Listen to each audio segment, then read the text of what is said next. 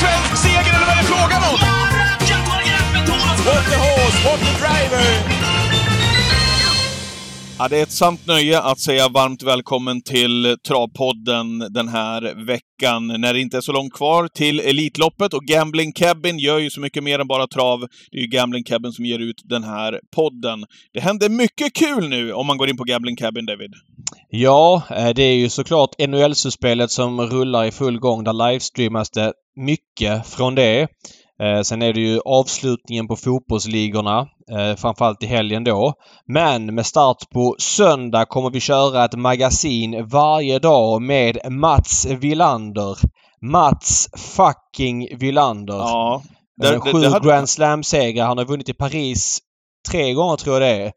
Eh, och eh, vi kommer köra ett magasin med honom eh, ja, men en kvart, 20 minuter där vi bara pratar lite om eh, ett par aktuella matcher. Det är inte speltips eller något sånt utan vi resonerar runt ett par aktuella matcher och det är ju rätt lyxigt att få ha honom varje dag och höra hans take på diverse matcher. Så att eh, Gambling Cabin trycker gasen i botten här nu i månadsskiftet maj-juni.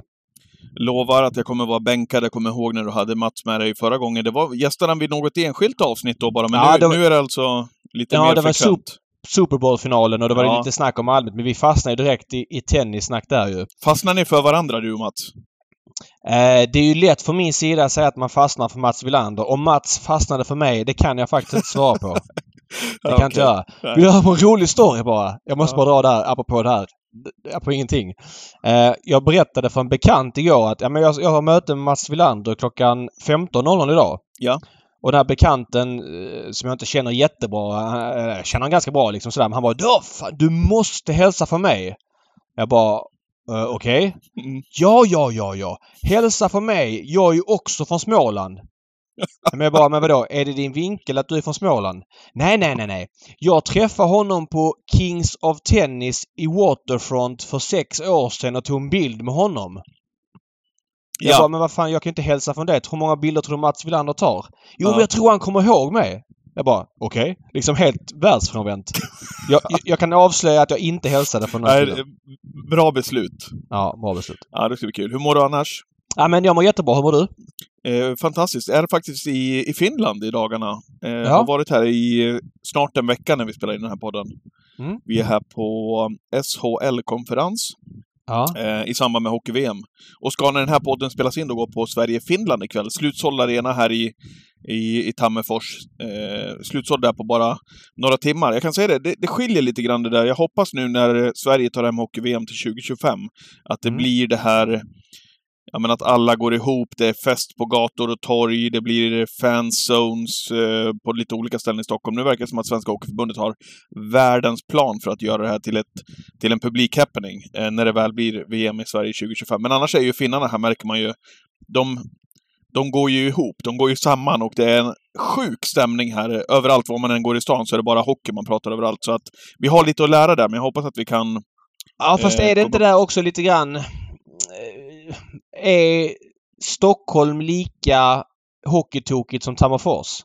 Nej, det, det är väl just det där, precis som du säger, det är där utmaningen ligger. Men jag tror också att man... Du behöver ju göra jobbet för att liksom få det där också, att få stämningen och bygga det i tid. Så att det liksom inte blir... Jag menar, du är hockeyintresserad David, men det är inte så att du... Alltså, du måste också få känslan långt tidigare innan det är dags för VM att ja, okej, det är det här som händer. Ja, men det kan vara kul att gå på. Och så Ja, men- bygger man en känsla sen tid så att du inte... Ja, just det, det är hockey-VM om en vecka. Men så här, hockey-VM 2018. 2018 var ju den här varma höst, våren och sommaren när det var sol varje dag i, i maj. Mm. Då avgjordes det i Danmark och då vann ju Sverige SM-guld. Då Ja. var det ju jättemycket svenskar i Danmark och det var de här glada dagarna i Nyhamn och det liksom var svenska tröjor överallt och så vidare. Då kändes ju hockey-VM kul.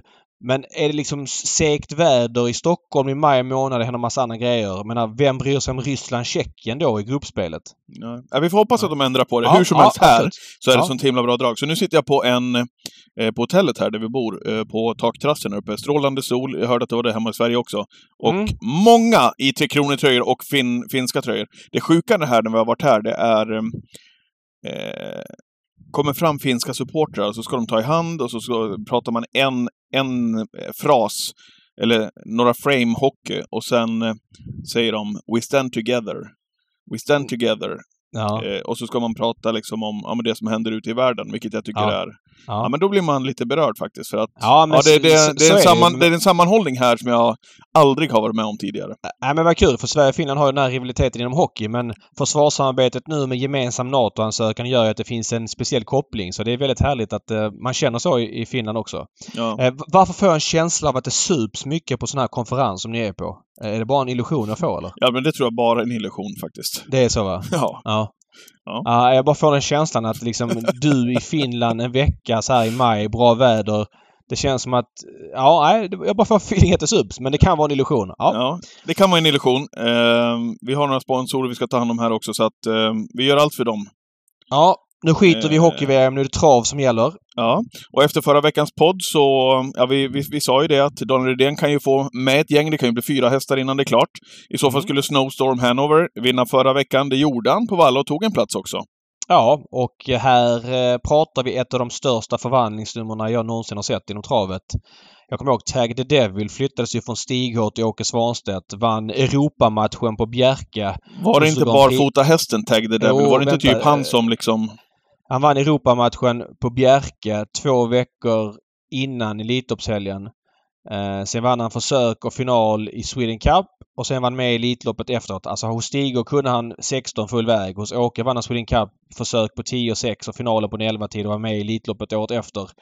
Enormt förvandlingsnummer. Tänk hur det kan Eh, bli ändå. Han går från Stig och Johansson ändå till, till Åke Ja. Svanstedt. Man kan ju tycka att skillnaden borde inte vara liksom monumental. Och så nu då, från Stefan Tarzan Melander är väl inte heller någon dununge till Daniel Redén och det blir, som, precis som du beskriver, enorma skillnader på hästarna. Ja, fast skillnaden är eh, ganska stor i att alltså eh, och, vad heter den? Tag the Devil gick ju direkt när han kom till Åke. Ja. Eh, det gjorde ju inte riktigt Snowstorm Hanover utan det har varit en uppbyggnadsprocess eh, där han har liksom fått växa in i det här. Och hade någon sagt till mig för två år sedan att Snowstorm Hanover skulle vara en elitloppshäst så hade man bara garvat åt det liksom. Han kändes ju halvfärdig redan då. Otroligt tränarjobb av Daniel Redén att det, det är inte den här quick fixen utan det är den långa processen. Och Alltså, sen är det nästa steg. Eh, Snowstorm Hanover i Elitloppet. Ja, det är väl kul för att den finns en story runt hästen. Men väger man in då att Daniel Redén mest troligt har ja, minst tre då, kanske fyra hästar. Det är ju säger mycket om hur överlägsen han är och han gör ju inget fel i det. Han ska ju se till att få så många hästar som möjligt i Elitloppet för det är så mycket pengar att tävla om. Men Elitloppet mår ju inte bra av att... Eh, ja, men skulle han då få fyra, Gocciadoro två. Då står två tränare för sex hästar. Det är liksom en mer än en tredjedel av fältet. Det är inte optimalt ur tävlingssynpunkt. Vi har pratat om det här tidigare men de här kvalloppen jag tycker att alla ska tänka om där. Jag har sagt det tidigare. Jag tycker inte de bidrar med någonting. Jag kan ha ett kvallopp. Jag kan tänka mig det. Det är okej. Det är Meadow Roads lopp. Nu hade vi tur att vi fick Coxtile i Finlandiaio för han var elitloppsmässig. Men förra året vann ju Hikko Depo i Finland och även om det fanns en spännande story runt den hästen och han var ny i guld och det fanns en story med någon som hade dött och skötare och sådär så för mig gynnar inte det Elitloppet som lopp. Eh, Elitlopp behöver inte den typen av hästar. Ett lopp kan jag tänka mig. Kör det med Roads lopp två och en halv vecka innan. Sen givetvis ska ju sportchefen vänta med sista inbjudningarna till Gävleloppet men per automatik ska vinnaren från Gävle inte bli inbjuden för det kan också bli fel häst. Då i det här fallet att eh, fel som i att Daniel Redén får en fjärde häst. Och återigen, han är ju, visar sin överlägsenhet men det är snarare reglerna som bör justeras, tycker jag. Ja. Ehm, ja, Snowstorm Han- Hanover klar därifrån. Who's Who klar också efteråt. Ehm, Ja, och- vi kan dra en harang. Eh, Ja. Snowstorm Hanover-loppet, där var ju han bra. Där Ja. bakom gick Million Dollar Rhyme, eh, men bra får man säga. Det måste man ge eh, honom. Vernissage Kiff, eh, direkt klen från dödens. Visst, nu kom det en skur innan och banan var väl sisådär. Mm. Beats galopperade igen. Igen, ja. Eh, och eh, ja, det var väl ungefär det man tar med sig från det loppet. Eh, det De har, lite inget fund- de har lite att fundera på kring Beats där. Det är ju, vi hade ju inte för så länge sedan i podden här för några veckor sedan Frode Hamre som, ja men vi hörde hur de spände bågen inför Elitloppet. Så att det, jag, tycker, jag kan tycka att det är trist att han inte ändå fått visa register. Så är det. Eh, nu har han haft spår 8 två gånger i rad och han har haft problem när han eh, ska ner i banan, eh, hästen. Så att eh, nu slipper han ju det från spår 1 så vi får se hur han kan öppna och sådär. Men eh, det blir ju lite... Det blir ju eh, ganska mycket snackhäst över det hela när han efter två starter hoppat och ska vara sådär bra som han sägs vara. Vi får se. Det är spännande inför eh, lördag här. Eh, dissar inte honom alls. Men Nej. jag konstaterar att han hittills inte har levt upp till snacket.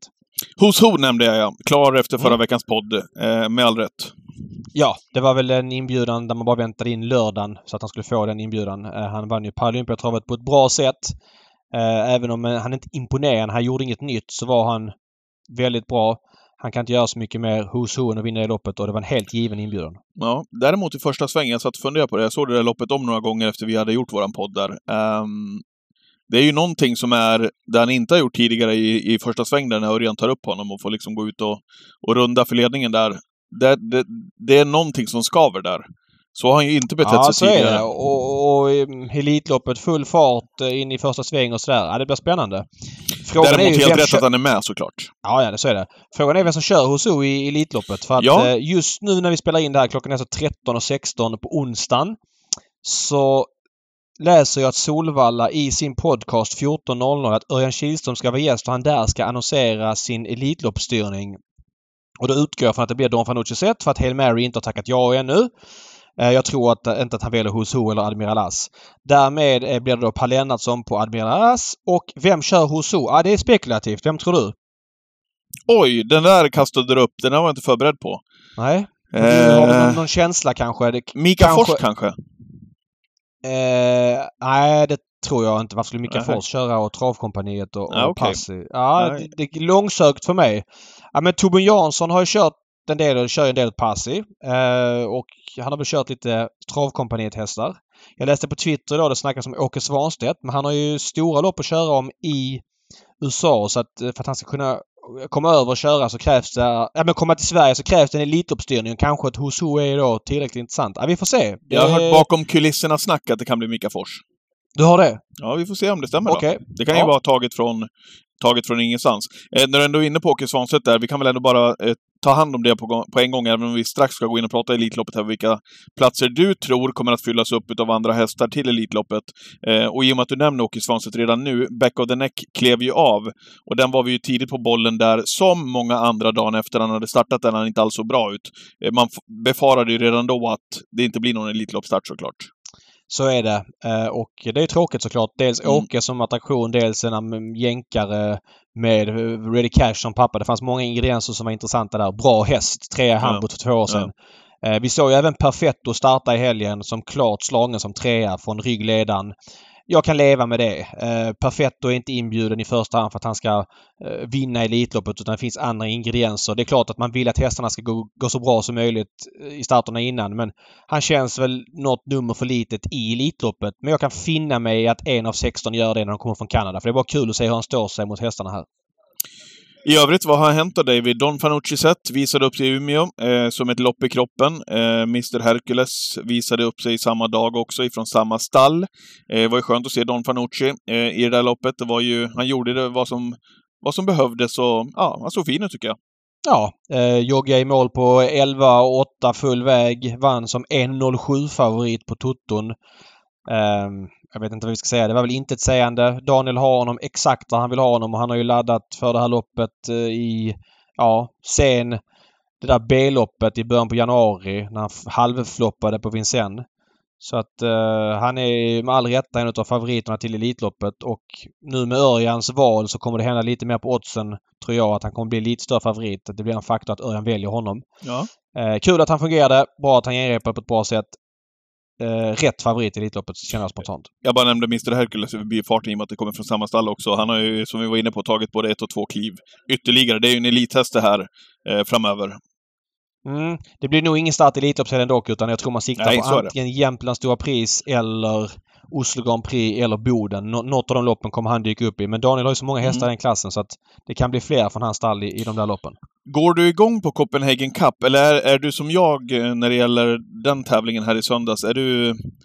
Jag vet inte. Jag, jag tappar i dignitet för min del. Jag tyckte att det var skitkul förr när Copenhagen Cup skulle köras. Det hade, det hade någonting, men för mig så är det ett lopp i mängden nu bara av, av de här Ja, loppen det, det inför. som du har tappat, dels är prispengarna mycket sämre än vad det var för 10 år sedan. Då var det väl 750 lax till vinnaren. Sen var det så att Copenhagen Cup låg ju två veckor efter Elitloppet förr. Eh, och då tyckte jag det hade en bättre plats. Alltså det är ju en bättre sport än två veckor innan.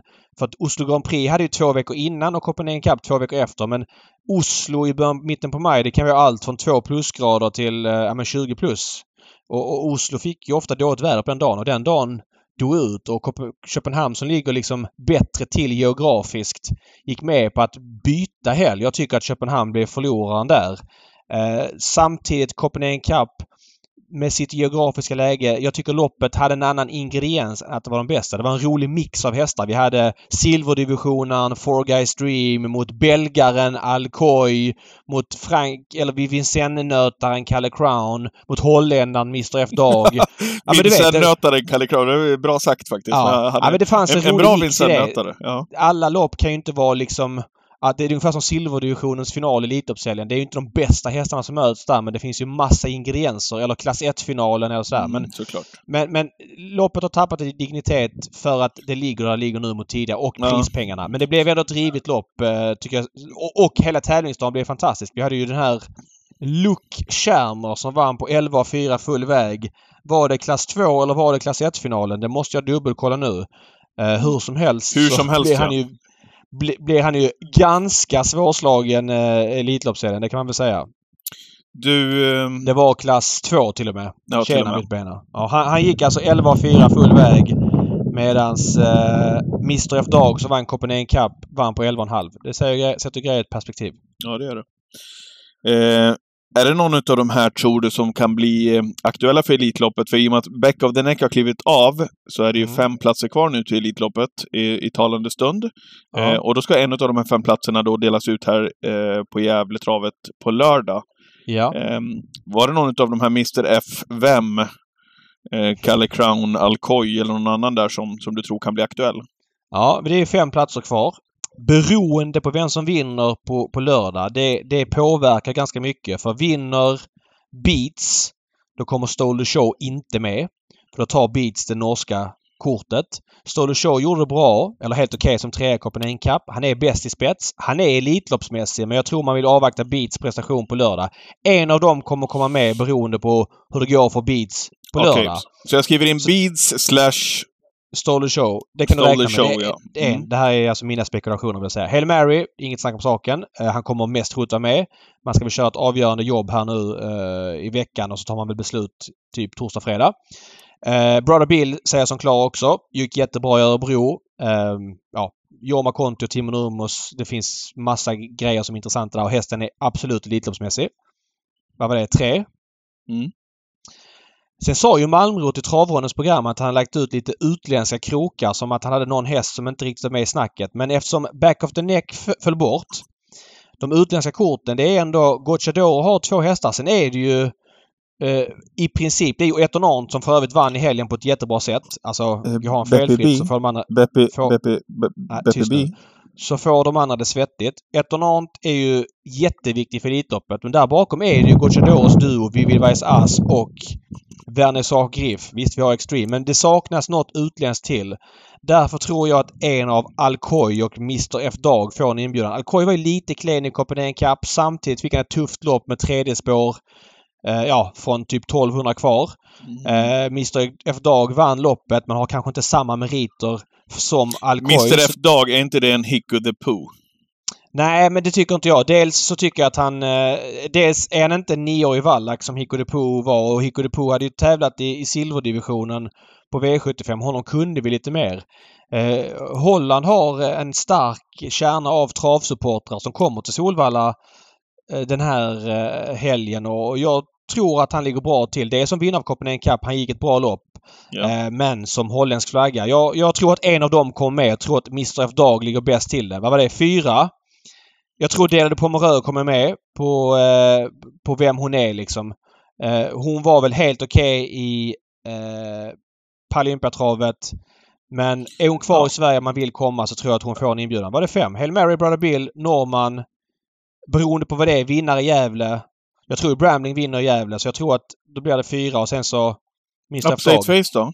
Ja, det är han som är först utanför i så fall. Uh, då är det Upstate Face. Vi, vinner Norman på eh, lördag. Då slipper Malmö bjuda in en norrman. Då tror jag Upstate Face tar den eh, inbjudan. Mm. Nej, nu blir det fel här. Det är fem. Hail Mary, Brother Bill, det är två. Eh, precis. Norman vinner, eller Det är nej, tre. det är tre. Norman kommer med, så det är tre. Eh, Upstate Nej, då kommer inte Upstate med. Då, då på vem som vinner. Vinner Bramblings så är det bara en kvar. Då blir det, det Upstate, Delia slash Mr F Dog som slåss om den. Så Ja. blir det tight för Upstate i så fall. Så ingenting för Kalle Crown, Alcoy och Knight Brodde de här? Anette Brodde tror jag inte... Han gick Sweden ju bra. Cup, va? Men- Ja, Sweden Cup-häst för mig. Ja, för mig. Eh, För mig. Delia Pomerö är förmodligen bättre häst än Mr, Mr F Dog. Så att då tycker jag Mm. hon går före den i så fall. Det blir lite för Malmö att pyssla med den. Det är de det står mellan. Beppe B ska ut ikväll. Mm, med skor och så att man kan köra barfota i Sweden Cup. Så du kan sluta drömma om Elitloppet där. Mm. Jaha, ska vi, ska vi rulla vidare på den tycker du David? Ja, eh, vår gäst. Jag har varit nyfiken på Timo Nurmos stall väldigt eh, mycket på slutet. Ja, det, det här har du varit inne... Du, du har, Ja. Här har du någonting som du har funderat på. Ja, de har startat väldigt lite hästar överlag för att vara mitten på maj nu och eh, jag är nyfiken på varför. Och, men Andreas Lövdahl tar ju för sig mer och mer som kusk så det är spännande att höra var han står i travkarriären. Ja, men det ska bli kul att prata med Andreas Lövdahl. Vi säger varmt välkommen till Travpodden. Ja, tack så mycket. Eh, ska vi börja där du nyss var, David, när vi pratade om Brother Bill här, eh, som svarade för den här härliga avslutningen där på, på Örebrotravet eh, till slut. Vad, vad är status på Brother Bill? Vi räknar in honom som klar här nästan i Elitloppet alldeles nyss. Ja, men det är jättebra. Han, eh, han känns otroligt fin, gör han. Eh, han, känns, eh, han känns ännu bättre i år. Alltså. Han har verkligen tagit åt sig vinterträningen på bästa sätt. Och, eh, det ska bli riktigt spännande med honom framöver. Eh, om jag ställer frågan så här, skulle du bli chockad om han inte dyker upp i Elitloppet? Eh, ska, nej, jag blir väl inte chockad. Det är ju trångt de sista platserna. Så är det ju alltid varje år. Så att, eh, och han har bara en start i år. Så att, eh, klart att chockad blir jag inte. Men eh, klart lite besviken blir jag om man inte får en inbjudan. Det, Men- skulle jag nog Hade inte Timo startat han i typ Gävle om han hade varit osäker på att få en inbjudan? Jo, det, det skulle man ju kunna tro. Eh, jag vet inte. Det, jag kan inte det, detaljerna så mycket, men det är klart att eh, han har ju massa andra fina lopp och, och skulle han inte bli inbjuden så är det ju inte världens undergång utan att han, han har ju verkligen massa andra fina lopp att vara med i år. Så, att, eh, så att det, det tror jag inte är... Ja, jag tror inte de skulle ta så hårt på det om det inte skulle bli så. Fattar. Eh, Eh, ja, varsågod Patrik. ja, vad, fick han, vad fick han för spel i comebacken där? Visst var det comebacken va? När han inte... Han var helt tossig bakom bilen. Ja, han, han har ju alltid varit väldigt tossig. Det har han ju alltid varit upp till bilen och gå lite passgång och halvgalopp och sådär. Men han, han, eh, i år så har han varit med på tårna hemma också. Det känns efter träningen och fått i vintern att han har blivit han har blivit ännu starkare. Han har också blivit, eller var i alla fall då, lite ännu vimsigare. Och eh, han behövde springa av sig lite grann helt enkelt. Och eh, nu när han har gjort det, nu två lopp här nu så nu är han liksom som han var förra året liksom i, i fin balans och sådär. Och, och, eller allt är relativt såklart men, men ändå för att vara han så är han i balans. Liksom, om man säger. Eh, det är inte alla som vet vem du är. Du kör ju ändå ganska frekvent på V75 och du syns ofta i media. Men eh, kan Duktig pilot tycker jag, Duktig pilot. Andreas. du... Ja, Absolut. pilot. Men kan du berätta lite grann vad, din, vad du gör hos... Du jobbar hos Timo Nurmos och du har någon förstemansstatus där. Vad har du för bakgrund innan det? Eh, ja, jag, har- jag kommer ju från Norge. Eh, uppvuxen i travet kan man säga. Eh, kanske var inte jätteintresserad från, från början men eh, har ju både min mamma och pappa är ju eh, intresserade och min pappa är ju kallblodstränare på Sörlandet. Eh, och eh, sen har jag ju gått Vången då. Eh, och sen har jag varit runt hos lite olika tränare eh, efter studenten där och nu är jag hos Timo och eh, och eh, ja, har väl lite allt i allo-tjänst kan man säga. Eh, gör lite allt möjligt. Är med och kör hela dagen och, och skor en del. Och är med på trav och, och allt möjligt det här. Så att, eh, lite allt i allo kan man säga. Men klart att förstemans eh, är det nog kan man säga. Va, visst är detta din andra session hos Timo? Ja precis. Jag var ju en sväng hos Jörgen Westholm också. Det var väl ungefär i tio månader. Okej. Eh, för eh, två år sedan var det väl ungefär. Det var väl, det var väl eh, ja, två år sedan. Det var från februari till slutet på jag kommer inte ihåg exakt. Det- Det var väl oktober eller så där, tror jag. Vad har du för... Du, eh, ja, Andreas, eh, det, det, det, lite fördröjning härifrån också, så jag är ledsen om jag bryter in. Patrik är i Finland, Ehm. det är därför det är så sjukt. Ja. Ja, exakt. Eh, när man ser dig i loppen när du kör Andreas, eh, hur känner du att din egen utveckling har varit där? För du får ju, du får ju ofta beröm av oss när du, ja, men när du är ute och kör helt enkelt. Vad, vad känner du att du själv har haft för utveckling och vart är du någonstans i din kurskarriär själv tycker du? Nej, men jag har väl eh, utvecklats en del med loppen. Jag har fått uh, köra och, och, fått mer kontinuitet och köra framförallt bättre hästar och fått mer självförtroende och sådär. Ja, jag tycker väl att det, det, går väl sakta men säkert framåt helt enkelt. Sen är det ju alltid så att man behöver ha det är hästen som gör jobbet och man behöver ha riktig häst om man, om man ska liksom vara med och hugga i de här lite större sammanhangen som på V75 och sådär. Men det är klart att ja, jag tycker att det har väl blivit allt mer lite bättre och bättre. Du är född 96. Vad har du för lång, eller vad ska jag säga, uh, långtidsplan inom travet? Var ser du dig själv om ett par år? Ja, men jag har ju drömmen om att bli egen tränare. Eh, det är ju min långsiktiga plan. Eh, jag ska ju gå Tanken är att jag ska gå tränarkursen nu till hösten igen då. Jag har ju gått första förberedande delen och nu är det ju riktiga kursen. Så tanken det är tanken att jag ska gå den till hösten då. Så vill bli klar med kursen Eh, så får vi se, men inom några år så ser jag ju för mig att jag är, står på egna ben, absolut. I Sverige eller Norge? Mm, velar fortfarande lite fram och tillbaka, men det lutar nog åt Sverige. Eh, så som, så som förutsättningarna ser ut i Norge just nu med, med, med prispengarna och allt det här så, så tror jag att det ser, det ser bättre ut i, i Sverige. Finns det någon region som är mer tilltalande? Du har ju varit som du säger hos Westholm på Rommetravet och en del nu hos Nurmus där Solvalla är närmst. Eh, är det Solvalla-tränare som i så fall är favoritscenariot om du blir i Sverige? Alltså det är ju alltid, jag har alltid varit, jag, för mig är ju alltid Solvalla lite extra oavsett egentligen hur man vrider och vänder på det. Mm. Eh, jag tycker alltid att Solvalla är lite speciellt och har alltid haft det som dröm att vara Solvalla-tränare. Sen är det ju också mycket tuffare såklart. Det är ju de bästa är ju här och det är ju här eh, de stora pengarna finns och, och allt det här. Så att, eh, men eh, klart att eh, CFM är någonstans här i, här i området och, eh, i, i eh, Stockholmsområdet. Ja, det tror jag nog. Eh, varför är Solvalla speciellt? Kan du förklara det lite grann? Nej, men det har ju alltid varit så tycker jag i alla år. med med långt tillbaka i tiden. Man har ju sett eh, framförallt Elitloppet och, och kriteriet. Och har ju, jag tycker det har blivit väldigt... Eh, Solvalla är väldigt speciellt. Det tycker jag är lite speciell atmosfär när man kommer upp på Solvalla. Och, och alla som man pratar om som... som ja, man ska säga sådana som inte är på Solvalla så ofta säger ju likadant att det är väldigt speciell atmosfär där och, och det är liksom en... Ja, men jag tycker lite... Vad ska man säga? Det är lite det osar lite en aura så här att liksom det, det är lite, lite extra tycker jag. Mm, jag håller med dig helt och hållet och jag tycker det är viktigt att den bibehålls. Eh, du jobbar hos, hos Timo Nurmos. Eh, Timo Nurmos som de sista åren har varit en av Sveriges absolut mest framgångsrika tränare. Han har vunnit Prix d'Amérique, han har vunnit jag vet inte hur många kriterier det är, 8-9. Ett, ett par travderbyn och fått fram flera superhästar.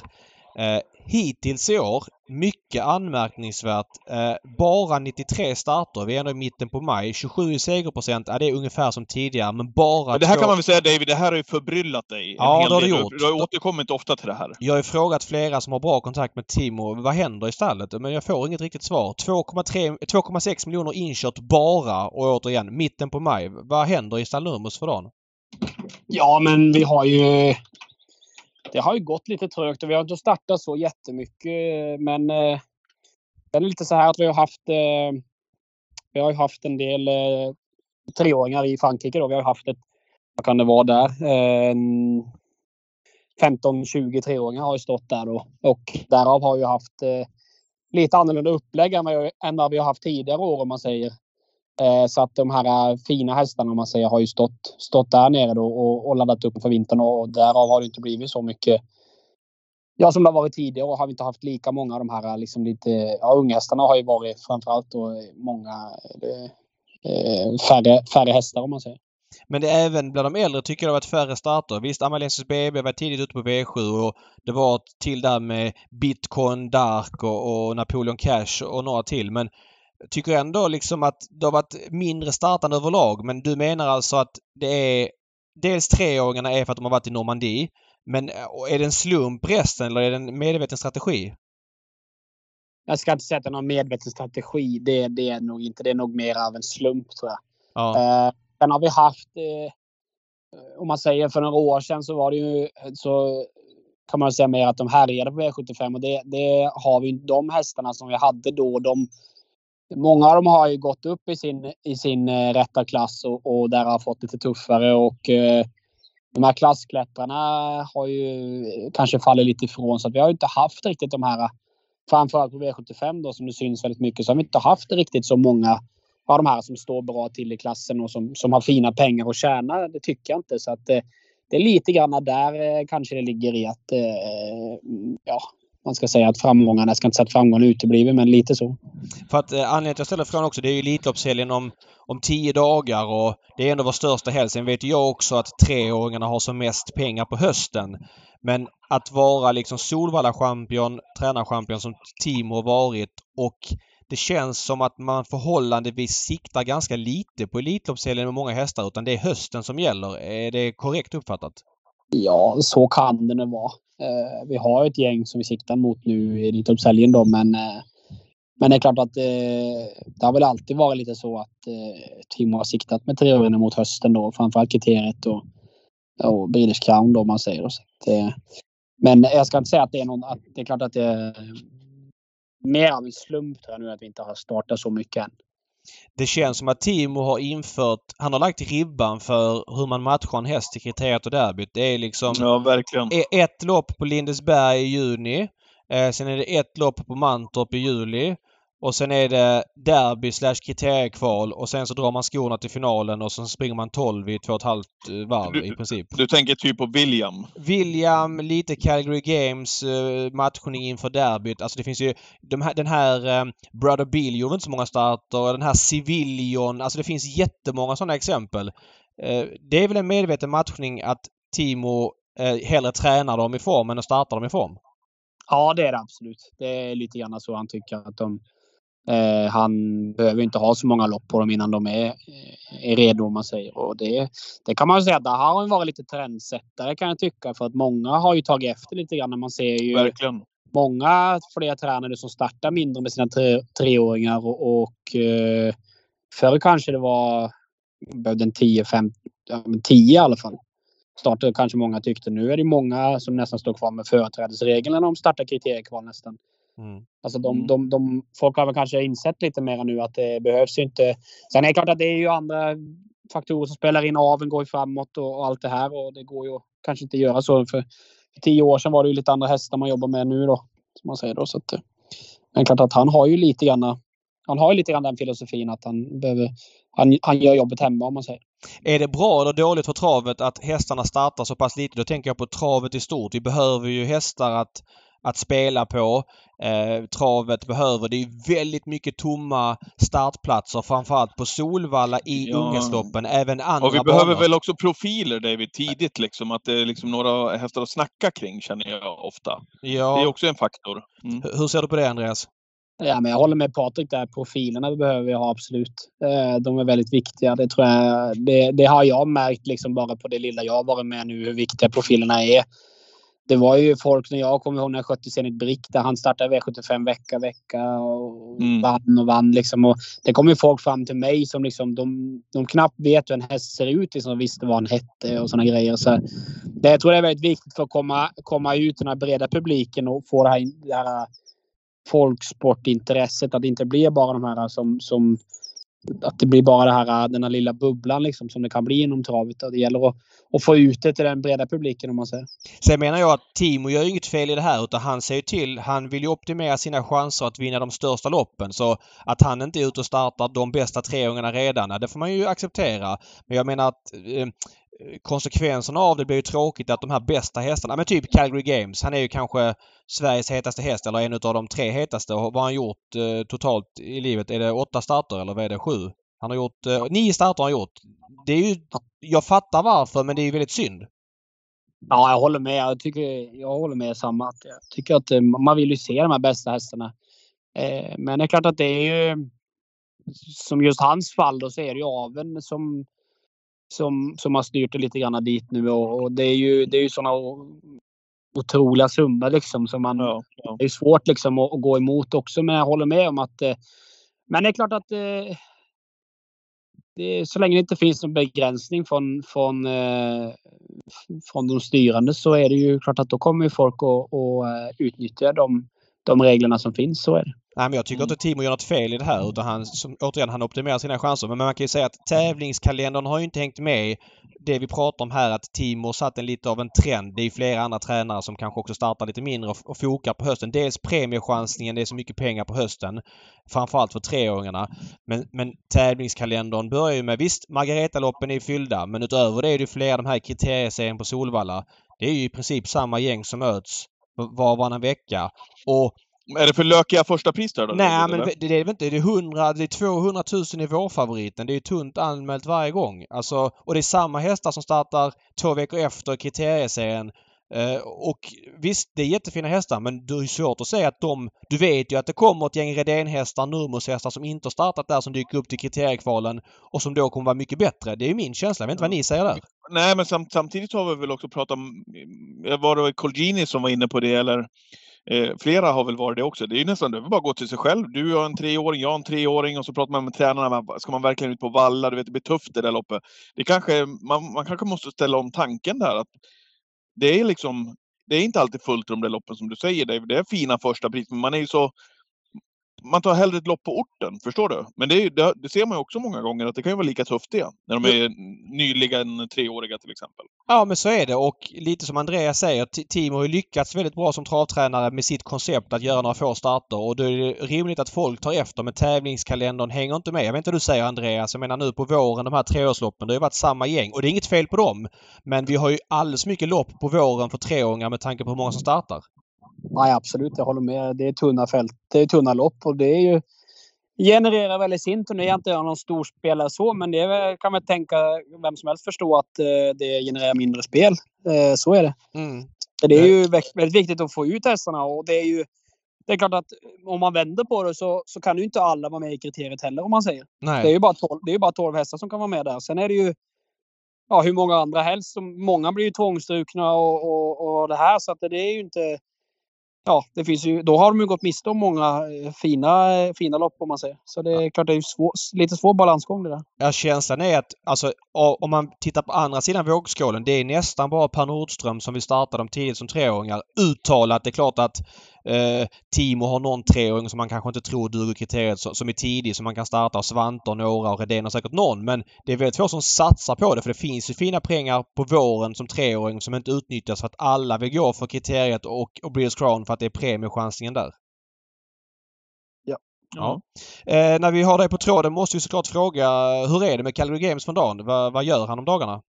Ja, han står på Menhammar. Eh, som jag förstår det så tränar han där ungefär eh, tre gånger i veckan. Då. Eh, och sen är det Avel som är högsta prio just nu då, som jag förstår det. Mm. Det har inte varit någon hemlighet. Men vad är tanken där alltså? Vet, vet vi om det? Eller vad, vad tanken ja, är med jubileums, framöver här? Jubileumspokalen har ju varit målet som Timo sagt. Jag vet inte, Andreas kanske kan lägga ut texten mer?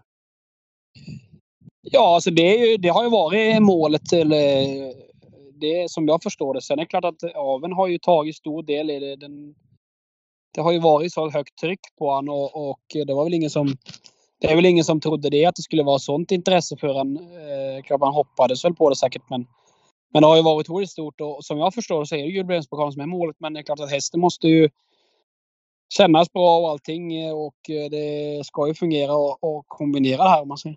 Vet du när han ska komma tillbaka till Timo från Menhammar? Nej, jag, kan ing, jag vet inget datum så. Vet jag men, men innebär det här att Timo, han, är, han kör inte honom i något jobb där ute, utan det, det sköter man på Menhammar? Jo, men som jag förstår det så, så är han där eh, en del och kör, ja. Absolut. Ja, Okej, okay. ja, mm. så att man, han har hyfsad koll på. Jag menar, att lämna över hästen till Benhammar för att han har sin avelsverksamhet där och sen säga att ja, man ska starta mot det här och Timo inte har har full inblick i vart han befinner sig någonstans fysiskt. Eh, det känns ju lurigt. Men då, då är han där ute och kör alltså? Ja, precis det. Har du ja. kört honom i jobb? Ja, jag körde han en del som, eh, som treåring gjorde jag. Och sen körde jag även eh, inför eh, fyraårssäsongen där på, på våren körde jag han också. Lite Va, grann. Vad känner man i honom?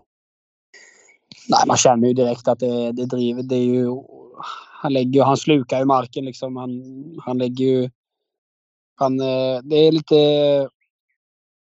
Det är lite han är lite annorlunda än vad de här de andra, jag har kört många ganska bra hästar och så här och framförallt hos Timo då men även hos andra och det går igen ganska mycket på de här topphästarna. Det är samma stuk på dem men den här han är lite annorlunda tycker jag. Han, har, han har lite annorlunda han eh, svårt att sätta exakta fingret på vad det är liksom. Men det är, han, han blir liksom väldigt lång när han, när han springer och, och lägger ner huvudet väldigt fint. Och, och liksom, vad ska man säga, han, om du tänker en båt liksom.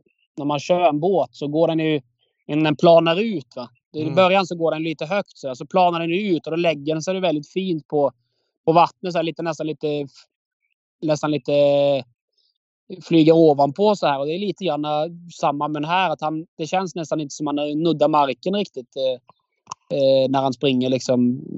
Han väldigt... Eh, är otroligt lätt alltså när han springer. Alltså ändå så... Han har lätt för sig men ändå så, så är han otroligt stark också. Han har en otrolig fysik liksom. Men är det det som är en styrka? För vi har pratat en del om Francesco Zet som har startat här och jag har erkänt att jag är svårt att se vad han är bra på förutom att springa fort och jag tycker att Calgary Games är lite samma sak om man jämför med andra hästar typ Going Kronos, Campo Bahia. De har en helt annan utstrålning. Men vadå eh, uppenbarligen inte lika bra på att springa som Francesco Zet och eh, Calgary Games är. Är du med vad jag menar lite grann? Att man har svårt att se vad som är en styrka men förutom att springa fort väldigt länge. Ja, det är klart att det... Kanske lite grann. Han är ju, när man ser han sådär på, på, på stallgången och, och, i hagen och sådär så är det ju egentligen bara en brun häst liksom. Mm. Så, men han... Han är ju, som du säger, han är otroligt bra på, på att springa liksom och otrolig tekniker liksom. Och det är klart, han är ju, han är ju framavlad med topp, eh, toppblod liksom från båda håll. Så det är klart att eh, han är ju liksom skapad för det här om man säger.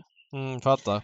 Har du, har, du, har du någonsin, rätta mig om jag har fel Andreas och David, som det har snackats mer om en häst innan ett kval, någonsin i modern tid, innan Calgary Games kom ut och kvalade? Då bara, ah, det är kval, Calgary, den här Calgary Games ska starta i kval. Eh, alla bara, ah, okej, okay, det är Normos nya stjärna. Eller var det bara jag som fick den feelingen? Det var ju enormt surr om alltså. Ja, men så var det. Ja, det, var, det var kul faktiskt. Det, ni måste ha känt någonting otroligt tidigt där ju. Och, det, och, och klockorna ringde ju. Ja, det var det såklart. Eh, det, det, alla var väl lite förväntningsfulla och så kommer jag ihåg jag körde samma kval där och så frågade Jorma, jag åkte upp till Jorma och så frågade han så, hur var det här? Lite så här, jag tänkte fasiken ska jag säga nu liksom. Då kommer han liksom bli jäkligt nöjd och så. Ja. Ja, bra sa han liksom då. Ja, bra. Ja, liksom, ja tänkte jag. Inget mer liksom. Nej, du, du, säga... du, du, du, ville ha lite mer ja. Ja, ja jag tänkte det. Nu, nu kommer jag i alla fall dra på någonting liksom så här att det var riktigt bra. Men han var ja, bra liksom. Sådär. Ja, men han kvalar bara på 22 än så man fattar att Jorma kanske inte var blown away eh, där och då. Men om vi pratar, eh, nu vet jag att det är svårt att säga, man vill inte eh, höja förväntningarna på någon. Men, men Nurmo Stall har varit väldigt pricksäker genom åren när det gäller att plocka fram de hetaste treåringarna i stallet. Kan du nämna någon som du tror kommer, ja, som har varit i Normandie som kommer hem nu som vi kommer få se typ i kriteriekvalet som blir en faktor i höst? Eh, ja, nu kom ju de här hem till från Frankrike bara härom, häromdagen. Bara. De kom hem väl igår tror jag det var. Okay. Eh, så jag har inte hunnit jag har inte hunnit köra dem eh, speciellt mycket och sådär. Och, och, så, så det är lite svårt. Eh, men frågar man om en månad så kan jag nog säga, svara lite bättre. Men är det någon det surras extra om? Ja, det är klart att det, det finns ju några. Eh, vi har en helbro med Isabel Cash då. Going Cash. Han ju, har ju i alla fall papperna i ordning om man säger. Det är klart att en sån häst skulle man ju säkert kunna hålla ögonen på. Men det, det blir ju per automatik med den stammen. Så det är klart att eh, eh, men det känns ju som att eh, det, fin det finns flera, absolut, det gör det. Just det. Uh, Ready Cash på Super Arne Märren sena brick där. Mm. Vad är statusen på Giroud för dagen? Eh, han har också varit i Frankrike. Eh, han varit. Han eh, fick ju ta igen sig där en del efter, efter derbyt. Han gick, ner, gick ner sig rätt så hårt och, och ja, som jag förstår det nu så verkar det bra i alla fall. Eh, sen får vi se då, om man, om man liksom kan eh, ta steget nu då. Det, han visade väldigt kapacitet men de ska ju ta klivet nu och nu har han rätt så mycket pengar på sig. Och, och mot de här femåringarna som är i år så ja, får vi se helt enkelt om man, om man liksom kan växa, växa in i klassen. Vad är statusen på Lara Boko, Oaks-vinnaren? ja, det är bra. Hon gick jobb idag och hon ser, ser jättefin ut. Så att det, det verkar bra. En häst som försvann lite grann det var ju Oaks 2 från året innan Hoboken Am. Hon fick väl en medioker säsong förra året. När startade hon och vad kan man förvänta sig där? Ja, men det strulade ju strulade väl mest hela förra säsongen. Eh, sen var hon ju väldigt fin om man derby, eller uttagningsloppet i derbystort. Men sen, sen fick hon ju bakslag igen i, i finalen och eh, lite svårt att hålla ordning på. Eh, just nu känns det bra men eh, det är ju lite sådär svårt att säga om eh, ja, om hon eh, vad ska man säga, hur, hur hon kommer att prestera. Det, det känns ju som att eh, man vill se ett lopp först, att hon fungerar och allt det här. Mm, fattar. Eh, när det gäller Intiboko, vad tror du, vad tror du där? Han har tjänat 6 miljoner kronor. Tror du att... Alltså han fick ju väldigt snabba pengar på sig där och haft det tufft på sistone. Vad, vad tror du om hans möjlighet att komma tillbaka och tävla på den här nivån? Det är svårt att säga. Han eh, har ju just nu eller, blivit lite pigg om man säger nu då på, på de här, eh, ja efter, efter eh, den här lilla, han hade väl ett uppehåll och sen efter det så har vi har man mest fått jobba med att hålla lugn och sådär. Och det var ju som senast där så, så var han ju väldigt pigg och, och det, det, funkar ju inte helt enkelt när han, när han är sådär ambitiös som han är. Så att det, det är lite svårt att säga om han kommer att kommer komma tillbaka. Mm. Ja. Eh, vi ska strax släppa dig. Du ska till Solvalla, du ska kvala hästar och köra lopp och, och allt det där. Eh, bara V75 lördag. Ni har ju, stallet har ju två hästar ut. Eh, och framförallt Seismic Wave då i Prins Daniels lopp som var väldigt bra i årsdebuten bakom Hail Mary. Men det är klart att han hamnar lite i skymundan om Hail Mary. Vad är status på honom och vad förväntar ni er där? Nej, men han gjorde ett jättebra lopp, eh, får man verkligen säga. Det är som du säger, hade inte Hail Mary varit med så hade han varit hästen på banan, absolut. Så att, eh, eh, nej, han verkar ha tagit loppet bra och sådär. Då. Så att, eh, får vi se. Det är klart att spår lite långt ut eh, och snabba innanför. Några av dem i alla fall. Så att, eh, vi får se helt enkelt. Men det, det känns bra i alla fall. Mm. Du kör själv på V75 eh, Crème Brûlée Font. Vad kan vi förvänta oss där? Ja, men hon gjorde ett jättebra lopp senast i, i, på Eskilstuna och hon var ju förladdad eh, bakom bilen och slog ihop helt enkelt. Och så la hon ganska mycket och jag körde egentligen inte för att för att vara med i fält egentligen. Utan jag, jag körde bara runt. Vi hade ju ryckt skorna runt om och ville känna lite på den balansen och sådär. Så att, eh, sen bet otroligt bra och hon la ju ganska mycket på... Det här var en spårtrappa då och det var ju hästar som hade upp en halv miljon som, som hade de här sämsta spåren om man säger. Och hon la ju 20-25 meter på dem och, och ändå så var hon en längd, en och en halv längd bakom dem i mål. Så att eh, hon visar ju kapacitet och jag tycker det var det bästa lopp hon har gjort eh, hittills i karriären. Mm. Hon blir nog favorit. Spår 4 i volten. Hur känns det för henne? Hon är rätt stabil. Är hon. Säkert jag hade ju hellre velat vara ensam spring om man säger. Men eh, nu är det som det är. Men hon, eh, hon är rätt stabil sådär voltstart och, och har inte de här tendenserna som hon har bakom bilen. Hon kan bli lite tung på väg upp till bilen sådär. Så att, nej, det är klart att jag är optimist, absolut. Mm. Vad kul! Eh, sen ska vi bara nämna också stallet har ju ut Västerbo Pokerface i V757 som Magnus A. Djuse kör. Där blir ju Epimetheus stor favorit men han blir Ja men lite samma fråga där David också som var inne på här tidigare om Intiboko. Kan han komma tillbaka liksom? Det är väl det man undrar. Det var ju bara en start 2021. Och så nu har han årsdebuten avklarad i år också. Liksom. Vad, vad är status där? Ja, men det är bra. Han behövde loppet senast som det kändes. Han, även i kvalet var han lite tung i hoppen och, och det kändes som att han behövde ha lite lopp. Vi hade ju inte pressat honom så mycket och Eh, Eh, det är som du säger, han tävlar på en väldigt, väldigt hög nivå. Fick eh, ganska mycket pengar på sig egentligen på, på relativt kort tid i alla fall. Och, eh, det är ju alltid svårt att säga om man, om man växer in i klassen och eh, när han har varit så bra och sen fått så lång, eh, lång paus som man säger och eh, sen kommer tillbaka. Det är ju alltid svårt att säga men det, det känns ju som att han... Eh, det känns ju bra hemma i alla fall. Mm. Ja. Vad, vad, vad, tror du slutligen om uppgiften? Vad, vad, tror du att han gör för prestation liksom? Nej, men jag tror han ska vara lite bättre än vad, än vad senast. Men eh, om man bara Epimetheus som du säger, det är ju väldigt bra häst. Så att det saknas ju inte motstånd. Men han, han är en, jag tycker han är en av flera som ska räknas, absolut. Ja. Ja men svinbra Andreas! Eh, härligt snack! Eh, spännande att följa dig. Du tar för dig mer och mer som kusk och det känns som att du får köra mycket hästar också utanför Timo som du, ja men som den här eh, Crème Brûlée Font på V75 som du är första kusk på som du kör hela tiden. Det, ja men du är inte bara stöpt i Timos hästar utan du har en egen karriär vid sidan av liksom.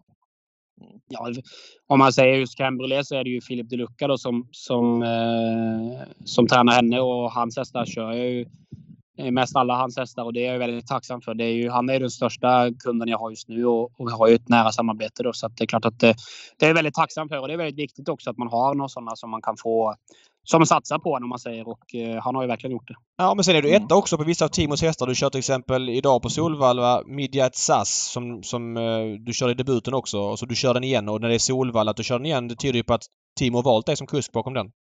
Ja precis. Nej, jag är jätteglad så att eh, jag hoppas det fortsätter och att man kan eh, stiga lite i graden så småningom. Ja. Ja men svinbra Andreas. Ja, Stort tack för att du var verkligen. med oss. Lycka till på Solvalla tack. idag och lycka till i helgen. Eh, Så in- innan jag släpper dig bara, Seismic Wave. Vill ni vara med i Elitloppet där om ni vinner? Vet du det? På, på lördag? Ja men det tror jag. Ja. Det, det, det tror jag faktiskt att de, Ja. vill. Ja, fattar. Ja men toppen. Tack så mycket. Lycka till idag så hörs vi. Ja tack, så att du mycket. Tack, tack. Hej då, Hej hej då. då. Hej, hej. Ja, men härligt att prata med Ante Löva i, i podden här. Ja, det, det är ett jävla kim, tjo kim där du är. Vad, vad Ja, jag, Är det har blivit det här nu. De, de fyller på här nu, finnarna. Det börjar blåsa upp här lite grann också. Det, det börjar bli tjo tjim här, men klarar ni er eller? Kommer Ja, det funka?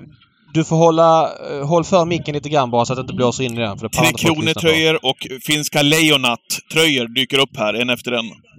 Ja, men Lövdahl riktigt skön. Han kör ju framförallt eh, ruskigt bra som kusk, gör han. Eh, och kommer bli en faktor. Eh, ja, men hoppas han väljer Sverige, för jag menar... Det känns ju hetare än norsk travsport rent spontant. Och grym info från Nurmostallet där. Om varför det har gått som det har gått och om Ja. Games Nu kanske du inte heller behöver fundera på var, vart de håller hus. Nej, jag har fått lite svar på den frågan. Så Ja, det är bra. Eh, Gävle på lördag. Eh, det är ju eh, där vi ska köra V75. En plats ska till Elitloppet också när det gäller Prins Daniels lopp. Eh, vi kommer att gå igenom V75 precis som vanligt 13.00 på Twitch nu på lördag. Eh, har du några idéer som du skulle vilja briefa här nu? Jag har några, men eh, tänkte, ska vi börja där? Ska vi förresten eh, starta i Prins Daniels lopp? Vem, vem tror du vinner? Du har ju pratat länge och väl om Brambling. Ja, och jag kan inte byta fot nu heller. Det är Nej, klart det vore att pajet. Eh, de är ju startsnabba invändigt och över 1609 så finns det väl att både Clickbait och Million Dollar Ryan vill köra i spets. Kan bli tufft för Brambling i den positionen, men jag tror att Brambling bara är bäst ändå. Beads barfota runt om. Ja, men eh, nej. Han har hoppat två gånger i rad och det, det är snack om honom. Han är, alltså han är ju 17 Brambling är 26. Han måste ju visa någonting innan man kan tro på honom, tycker jag. Sen så är det som spelare handlar det om att förutse att de ska funka och ta betalt när de är mindre spelare och sådär. Men, men jag har gått på Brambling hela tiden. Han har fortfarande inte fått visa hur bra han är. Eh, jag, jag kommer gå på honom, så är det bara. Ja.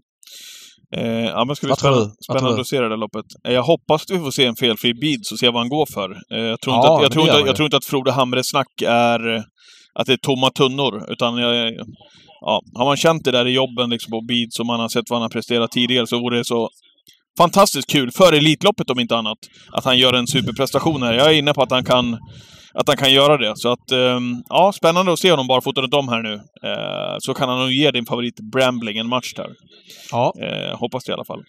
Eh, har du någonting annat att bjuda på vad gäller V75? Ja, du hintade här med att du gillar Taylor Jacks i V71. Ja, men såg du prestationen spont- senast? Ja, jag såg prestationen senast och tyckte han var jättebra men... Det var, det, var, det var nivåhöjning deluxe. Sam the Man eh, var ute i det loppet som Oscar Eller vann på Jägersro senast och, och lämnade hästar som Rackham och E-Type Cash och Moses med 20 meter som tvåa. Visserligen från ryggledaren. Björn springspår här. Ja, jag har svårt att säga att eh, Sam the Man inte ska vara rätt favorit i alla fall, så kan jag säga. Det blev småklen utdelning här i helgen. Vi satte ju ett system där på, eller några system på spel och lekkontoret. Ja, du satte två va? Spikade Gardner Shaw och Don Fanucci set på systemen. Vad tror du om omgången nu? Att den kan ge, tror du? Vad är känslan? Ah, medium. Vi har ju Epimetheus i sista som eh, känns väldigt svårslagen. Visst, nu är det final nästa vecka men han har varit bra hela tiden och, och han borde ha bra chans från dödens mot det här gänget. Eh, nu får han förmodligen spets. Han blir stor favorit men är väl rätt stor favorit om jag får säga så. Kan du, kan du Ja. bläddra upp V75 4 också nu när vi, när vi pratar lite Ja. V75? Absolut. Kallblodsloppet där Volt är favorit. Ser du vem som ska gå barfota runt om? Har du påslaget Norrlands Scott. Eh, Norrlands Cup? Eller Sörtinder. Ah, Sörtinder! din favorithäst ju! Den har du jagat i Börjar- sju svåra år. Börjar bli oseriöst att prata om Sörtinder? Nej, 0,57 procent. Det är ju... Har, den har ju de andra spelarna missat i alla fall, så du säger något, något som inte någon annan har sagt. Ja, han är faktiskt bra. Det ska bli kul att se hur han funkar bar, barfota runt om. Eh, men han har ju minst två galopper per lopp, men det vore kul om han inte hade det. Ja. Han skulle faktiskt kunna vara med där framme. Eh, faktiskt. Sen eh, tyckte jag, gick jag igång lite grann på Oskar Kjellin Bloms eh, snack här i podden eh, förra veckan när vi pratade om Kia Ora. Jag håller med. Jag tittar faktiskt just på den också. Det lät ruskigt bra och hästen... Nu, fi- nu är det ju springband eh, här. Så att, Jo, men den var ute mot Charlie Brown F och Benny B i den senaste starten. Och nu, eh, som jag var inne på också när vi pratade med Oskar där, så gör hon ju sina... Ja, hon kommer ju hävda sig väldigt, väldigt väl i, i storloppen, som hon är ute i nu då. Ja, men starten blir ju väldigt spekulativ såklart med tanke på att det är viktigt att Marcus Lillis träffar därifrån. Annars blir det ju vida spår i början med tanke på att vi har en springspårhäst framför så att det blir springband. Men eh, hon känns ändå som ja, vad ska jag säga, bästa hästen men hon står också med 20 meters tillägg på bra hästar. Så att, men hon är intressant eh, Ja. på, på dels Oskars snack och dels Ja. hur bra hon Jag har tror hon varit. skaffar sig hårdhet här också. Jag tror att hon har toppchans. Alltså på de där procenten så måste det vara taget tidigt, Kia Ora. Ja. Eh, mer snack på, på lördag om inte du har någonting att, att tillägga här. Nej, vi kör ju en ordentlig genomgång eh, när vi är pluggade och klara på Twitch 13.00. Eh, då lägger vi leken och då har vi mycket mer matnyttigt. Att sitta fyra dagar innan när omsättningen är obefintlig, det är svårt att, att, Ja, att ja. säga något vettigt. Och det är alltså 800 000 i omsättning så strecken kommer svänga. Men det var väl den snabba taken på omgången. Det var den snabba taken. Med jackpot, 27 miljoner extra så det blir ju eh, speltvång från min sida. Eh, vill du hissa och dissa nu? Ska vi köra igång vignetten? Det tycker jag vi gör.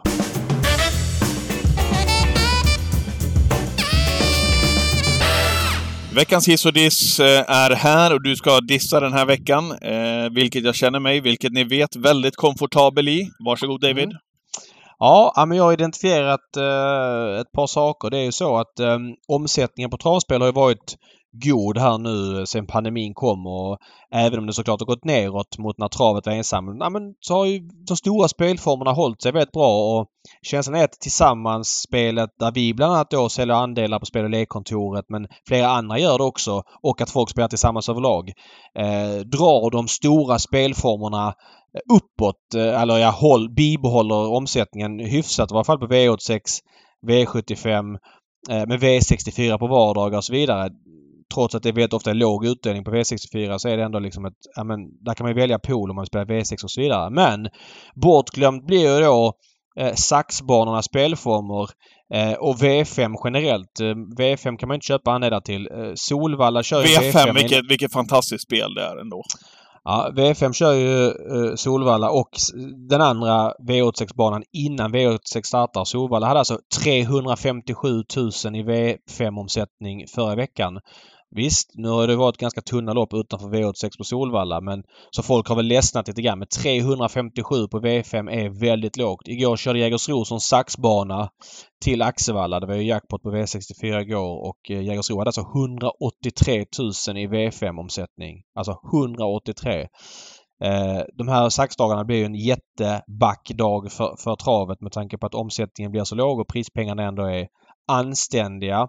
Det är ju ett resultat av att, ja men som jag ser det, att man tar bort tuttoluckor och sådana grejer. Såklart inte enbart, men att ta bort tuttoluckorna gör att folk kanske inte går på trav i samma utsträckning när det är sådana mindre dagar. Och om ATG Live-publiken väljer att fokusera på huvudbanan och V64 med jackpot så hamnar de andra dagarna i skymundan. Och vi kommer få riktigt många dyra tävlingsdagar inom travet eh, om det ska vara så att eh, man fortsätter acceptera att folk inte vill gå på trav längre och anstränger sig. Det är ett jätteproblem. Så jag lyfter upp eh, V5 har det väldigt tufft för dagen. Det är min diss. Ja, fattar. Eh, då hissar jag. Ja, Eh, och eh, jag, måste ändå liksom så här några veckor innan Elitloppet gå in. Man, man är ju nyfiken på vädret som du vet. redan. Alltså du är ju... Du har ju utsett dig själv, det, det vet de som har lyssnat på den här podden, till, till vädergurun inom travet. Av någon, alltså självutnämnd titel på något vis. Ja, ja visst. Eh, men nu, lyssna här nu David. Jag går in här och kollar bara för att vi ska få färska siffror här. Torsdag 26 maj, 20 grader. Alla till valla, alla till valla. 20 grader! Vann. Det kommer ju bli en magisk helg här alltså.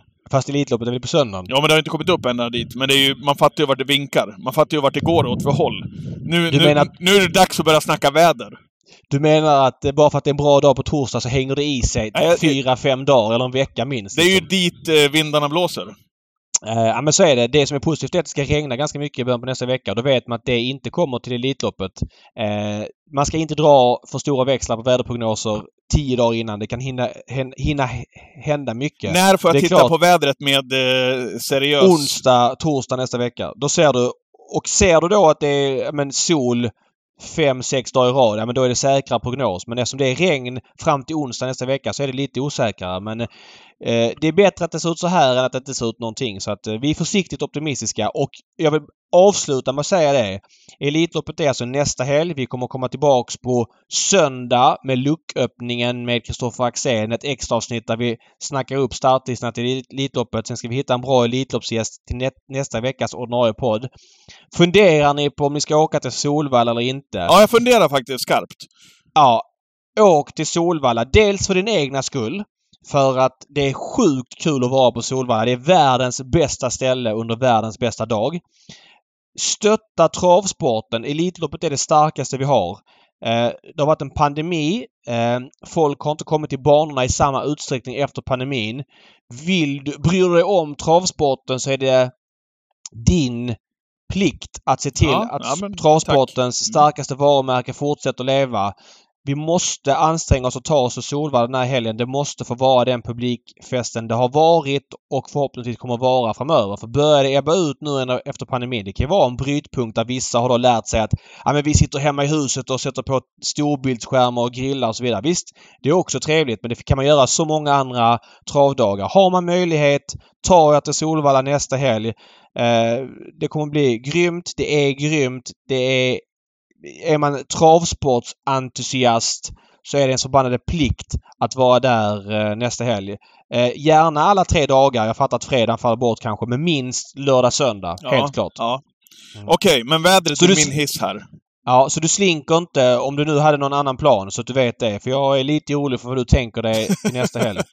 Vi återkommer med det. Okej. Okay. Ja, när, när du kommit hem från... Eh, från Finland. Ifrån takterrassen här där, där det börjar blomma upp ordentligt här nu med folk sjukt stökig resa verkar det där vara. Nej, det är lugnt. Okej okay, David, vad kul att prata ja. tycker jag. Ja, tack för idag. Tack vi själv. håller connection så ses vi på söndag med lucköppningar med Kristoffer Axén där vi pratar upp Elitloppshelgens startlistor. Ja, det gör vi. Bra, bra. Hej, hej. Tack, hej, hej, hej, hej. hej, hej.